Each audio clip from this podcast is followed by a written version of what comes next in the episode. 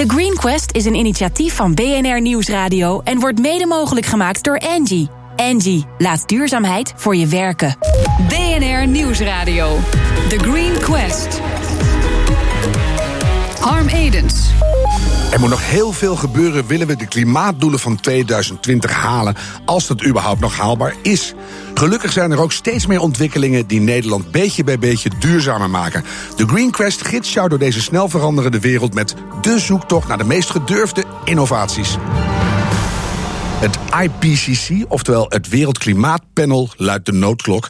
Als de ambities van alle landen die het Parijsakkoord hebben ondertekend worden uitgevoerd, is dat nog lang niet voldoende om de opwarming van de aarde te beperken tot de gewenste anderhalve graden. Dat schrijft het panel in een tussenrapport aan de, aan de VN, moet ik zeggen, Bert van Dijk, energie-expert van het uh, FD. Ja. Hoe, hoe erg wordt die noodklok nu geluid? Wie gaat er luisteren? Nou, de, de, de noodklok is behoorlijk aan het luiden. De, het is een rapport over wat, er, nou ja, wat de verschillen eigenlijk zijn tussen anderhalf graad opwarming en 2 graden. Want 2 graden hebben we eigenlijk afgesproken in Parijs. Met de doel eigenlijk, we moeten streven naar anderhalf. Mhm. Maar zit daar, het is maar een halve graad. Maar uit het rapport blijkt dat de gevolgen wel veel groter zijn als je voor 2 graden zou gaan in plaats van anderhalf. Dus dat, beeld, dat rapport schetst een beeld van alle gevolgen voor de leefomgeving, voor de biodiversiteit, voor, voor de mens. Maar die wisten we eigenlijk al. Dus ja. is het nu nog duidelijker geworden? Ja, nou, ja, het is denk ik nog wel duidelijk geworden. Maar eigenlijk wisten we het al toen we het Parijsakkoord sloten... dat alles wat we toen deden niet genoeg zou zijn. En dat wordt nog eens een keer echt uh, heel hard neergezet eigenlijk. Dat is wat er, wat er staat. Dan kan ik niet anders zien dat dit een soort extra duwtje is... richting klimaatop in Polen over Zeker. twee maanden. Wat, wat, wat, wordt het effect daar van dit rapport? Kan je dat uh, Nou ja, kijk, want het rapport zegt eigenlijk... de ambitie moet veel verder omhoog. Maar dat zit natuurlijk een probleem. Want de ambities die we hebben... die maken we al van geen kant waar. Eigenlijk geen enkel land. Zelfs Duitsland zegt ook van ja, wij, gaan, wij zijn geen voorstander van hogere ambities, want we halen onze huidige ambities niet. Dus, en Greenpeace en andere NGO's die zeggen ja, je moet de ambitie verhogen. Maar dat, dat, dat is natuurlijk wel vreemd als je, je je huidige doelstellingen niet haalt. Dus daar moet iets op gevonden worden. En wat? Want Nou ja. je kan je voorstellen dat de spagaat waar Ja. we in raken zo groot wordt... dat op een gegeven moment glijden we uit. Dan wordt het Bambi op het ijs Ja. en dan moet er iets. Ja, nou ja, de IPCC zegt het kan, technisch is alles haalbaar, het is nog steeds te doen. Ehm, eh, maar ja, het is een kwestie van politiek, van, van maatschappij, van draagvlak. En dat is natuurlijk het grote probleem. Want een van de dingen bijvoorbeeld die ook in het rapport staat, eh, dat zijn CO2-opslag en kernenergie. Dat zijn twee omstreden technologieën, maar die worden wel door het IPCC als belangrijke bijdrage gezien in, eh, in de ontwikkeling naar die 2050 en 2000 ve- eh, en verder. Maar ja, dat is, ligt in heel veel landen, ligt dat uiteraard ligt dat heel moeilijk. Dus als je dat niet wil, dan, ja, dan moet je toch wat, wat anders gaan verzinnen. Maar wat dat moet zijn, ja, ik weet het niet. Dat weten we nog niet. Maar Nee. je merkt wel bijvoorbeeld CCS, Carbon Capture and Ja. Storage, wordt nu al vervangen door Carbon Capture and Usage. Ja.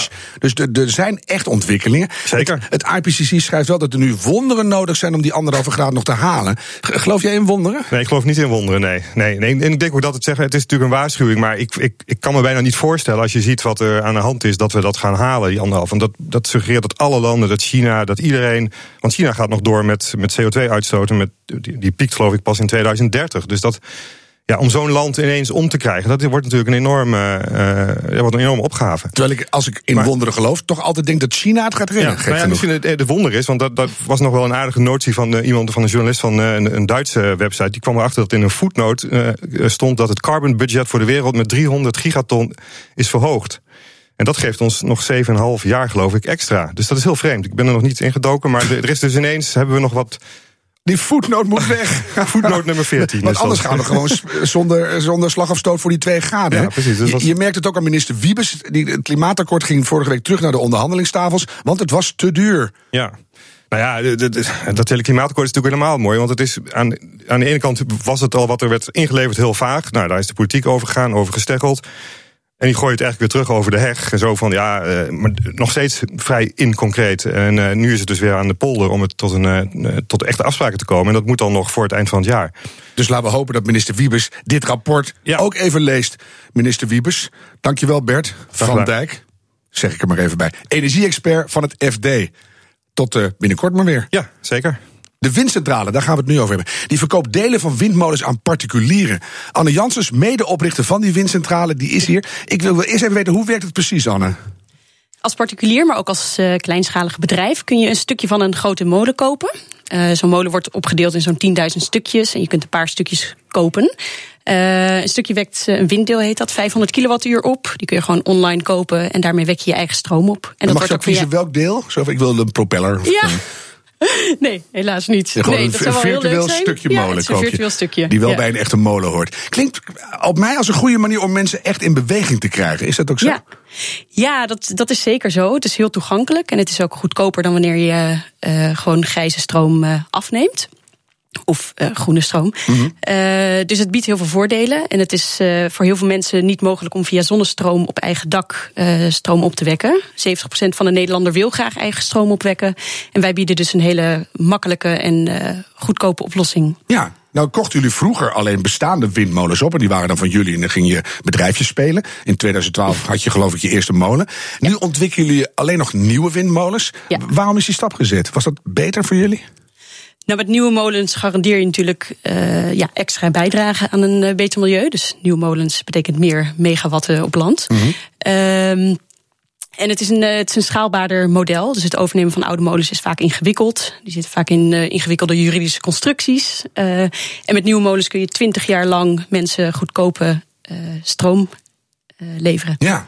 En, en het lijkt mij ook zo dat het dan de, de weerstand tegen wind op land, met name door particulieren, afneemt. Want je Juist. zegt, hé, hey, Ja. eh, ze worden van jullie. Eh, Vroeger was het altijd niet bij mij in de tuin, maar nu ineens is het, hé, hey, de kassa rinkelt.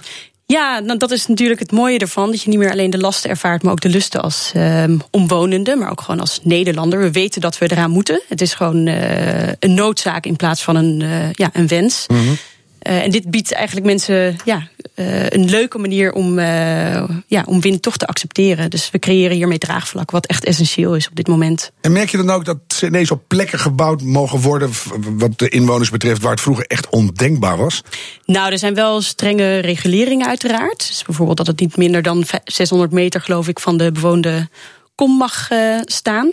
Dus dat blijft. Maar er is in principe ook genoeg ruimte. Er is ook een bestemmingsplan voor waar wind wel en niet kan komen. Dan schuift het een beetje. Zijn er plekken waar het vroeger niet mocht, waar het nu ineens wel kan? Omdat er wat meer draagvlak is?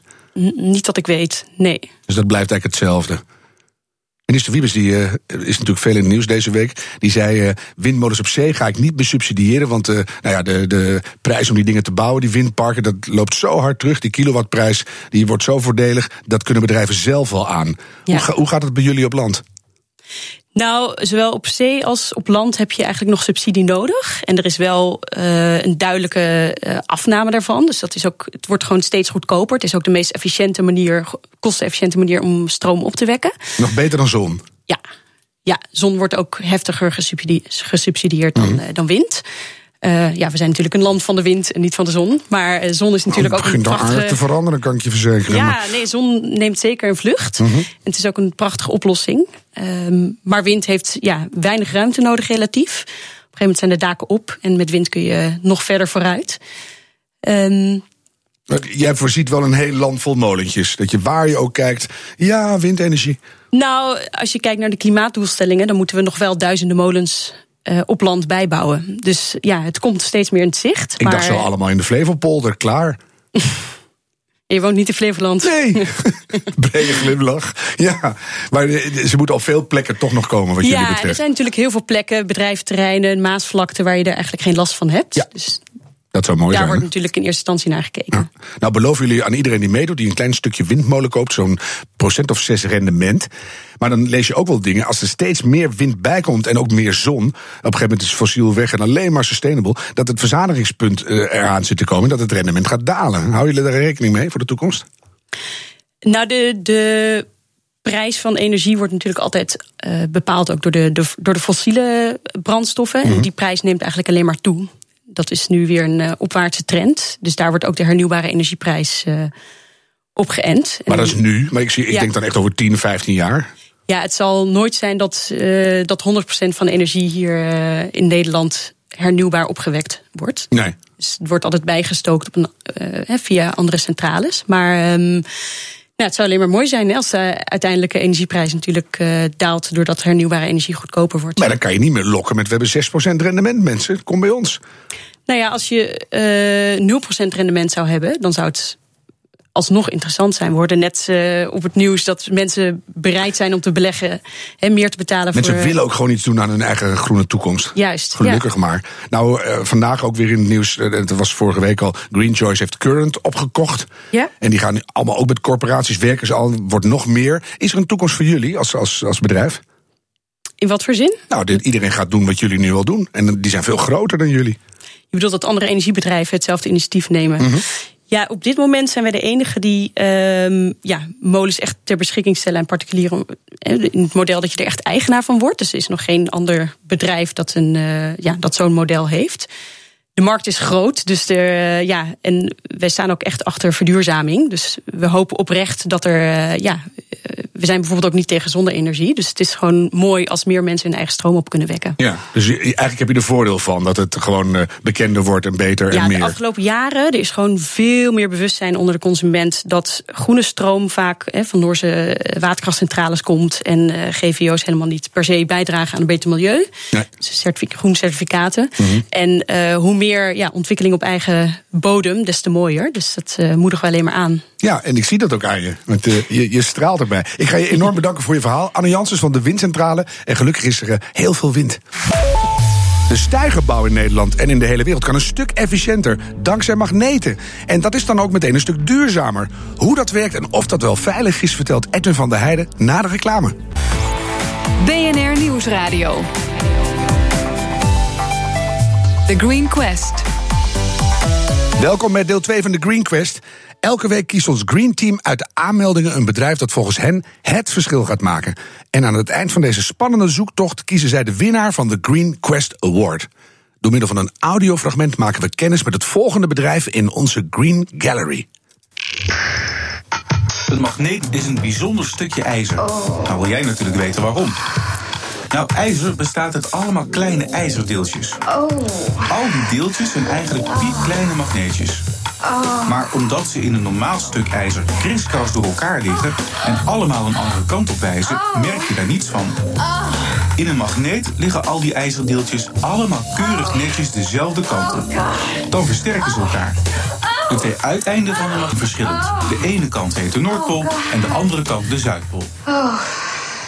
Ja, Edwin, eh, ik begrijp het bijna. Oprichter van eh, Magnetic. Kan je voor de luisteraar nog één keer uitleggen wat de magneten te maken hebben met wat we net hoorden?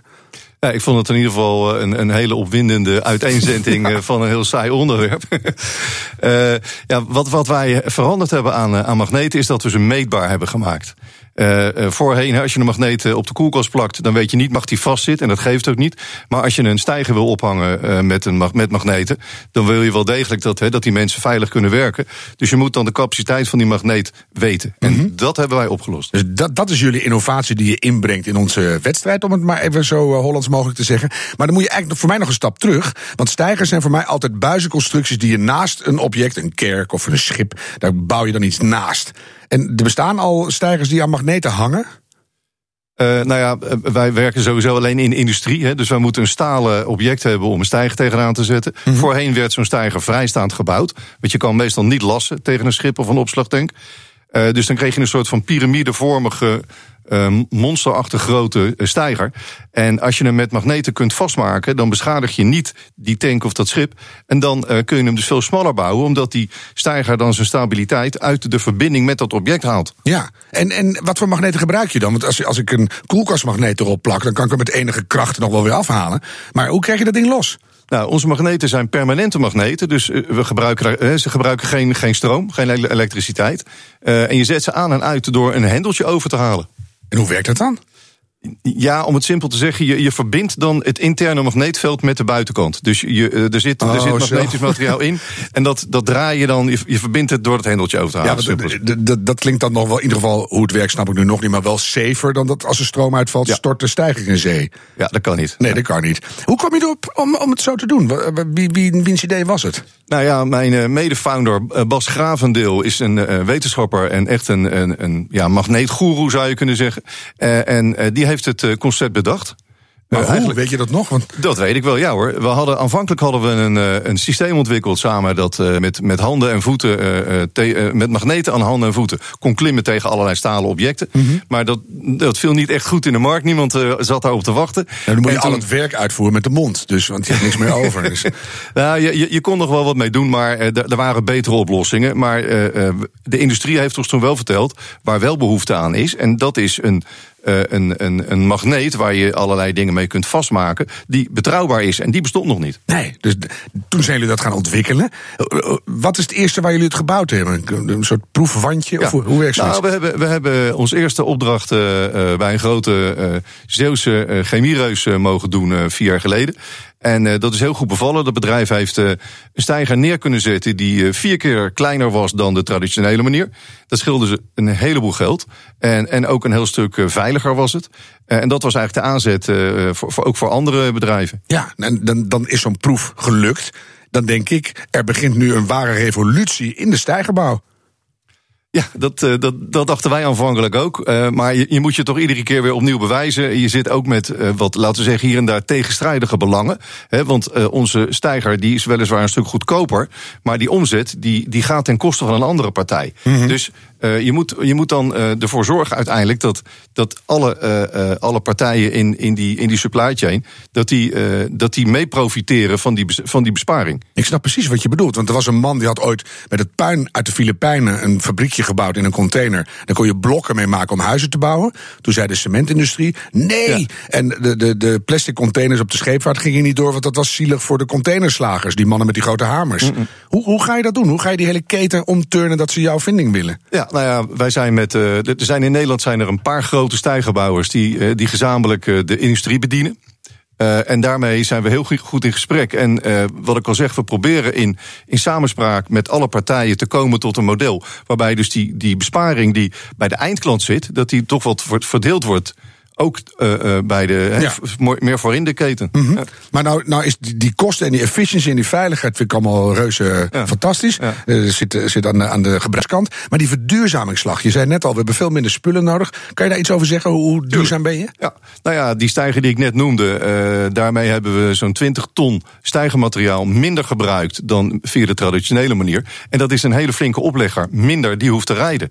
Zo simpel is het. Minder spullen, minder aanvoer, minder afvoer, ja. et cetera. En dus minder, minder bouwbewegingen, dus, dus veiliger. En uh, in andere gevallen, als een stijger wordt gelast, bijvoorbeeld aan een schip. Uh, lassen geeft een prima verbinding, maar als het op hele korte termijn weer los moet, ja, dan is een magneet beter. Want uh, lassen beschadigt het materiaal. Dus de coating moet opnieuw worden aangebracht. Uh, lassen veroorzaakt lasrook. en dat is weer smerig, kan giftig zijn.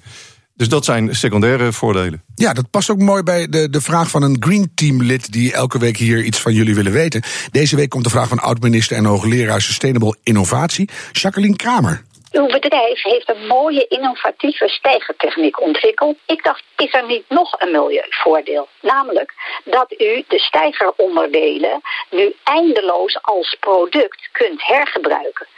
Mijn indruk is dat dat niet het geval is bij de huidige stijgeronderdelen. Want die uh, worden vervuild door het lassen. En als je ze dan afdankt, uh, verwacht ik dat de recycling daarvan ook niet zo gemakkelijk is.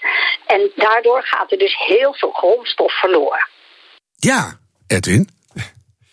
Nou, ik kan me goed voorstellen dat als er flink gelast wordt, dat uh, bepaalde stijgeronderdelen niet meer bruikbaar zijn en dat die worden afgekeurd. Dus uh, ja, zeer bedankt voor, deze, voor dit extra argument. En ook dat lasresidu zit aan die pijpen. Ja, dus dat, dat, dan kan je niet zeggen, we doen het bij het ijzer of bij het staal. Het is een, het is een gemengd aantal componenten. Afval, ja. ja. het is bijna chemisch afval. Ja, dus weer, oh, ja. je bent nog beter dan je dacht.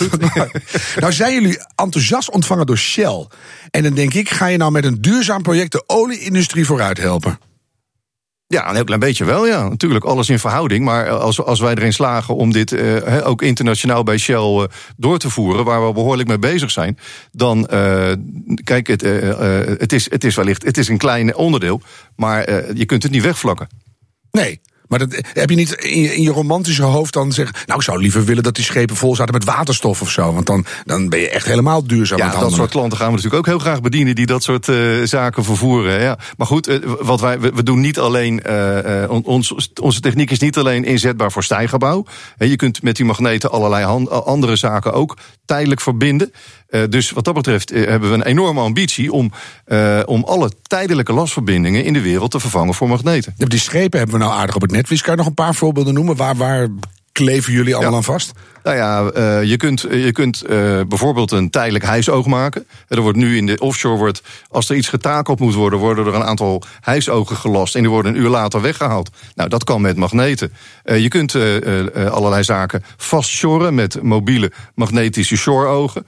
Uh, je kunt ook tijdelijk hekwerk maken. Er is ook enorme behoefte aan in de industrie. Als er, als er geen vaste uh, handrail is om even snel een hekje neer te zetten voor de veiligheid. Ja, dat zijn allemaal zaken die, uh, die staan op ons verlanglijstje om te ontwikkelen. En tot nu toe, wat is het maximumgewicht wat je aan zo'n zo magneet kan hangen? Wat is de grens tot nu toe? Nou ja, je kunt die magneet opschalen. Dus wat dat betreft is de sky the limit. Alleen je moet je op een gegeven moment wel afvragen of zo'n magneet nog hanteerbaar is voor dat doel. Maar ja. theoretisch kun je, kun je echt een, uh, zelfs een, een, zo'n opslagtank van 80 meter diameter, zou je daarmee kunnen optillen. Ja, en dan moet je de mannen en de vrouwen die ermee moeten werken nog overtuigen van het feit dat het echt, echt veilig is. Ja, dat, maar dat, dat overtuigen dat lukt over het algemeen aardig als we uitleggen hoe we, dat, hoe we die metingen doen. Dan zijn mensen wel, wel uh, uh, snel overtuigd. Ja, ze zien is geloven bijna. Ja, precies. Ik wens je een hele mooie toekomst in de Green Gallery. Dankjewel Edwin van der Heijden van Magnetic. Wil je thuis onze zoektocht naar de meest duurzame innovaties op de voet volgen? En dat wil je natuurlijk. Luister dan elke week naar de Green Quest en bekijk de Green Gallery op ons platform, thegreenquest.nl. Deze uitzending is terug te luisteren via de BNR-app en bnr.nl of als podcast in iTunes en Spotify. Hou hoop en doe het duurzaam. The Green Quest is een initiatief van BNR Nieuwsradio en wordt mede mogelijk gemaakt door Angie. Angie, laat duurzaamheid voor je werk.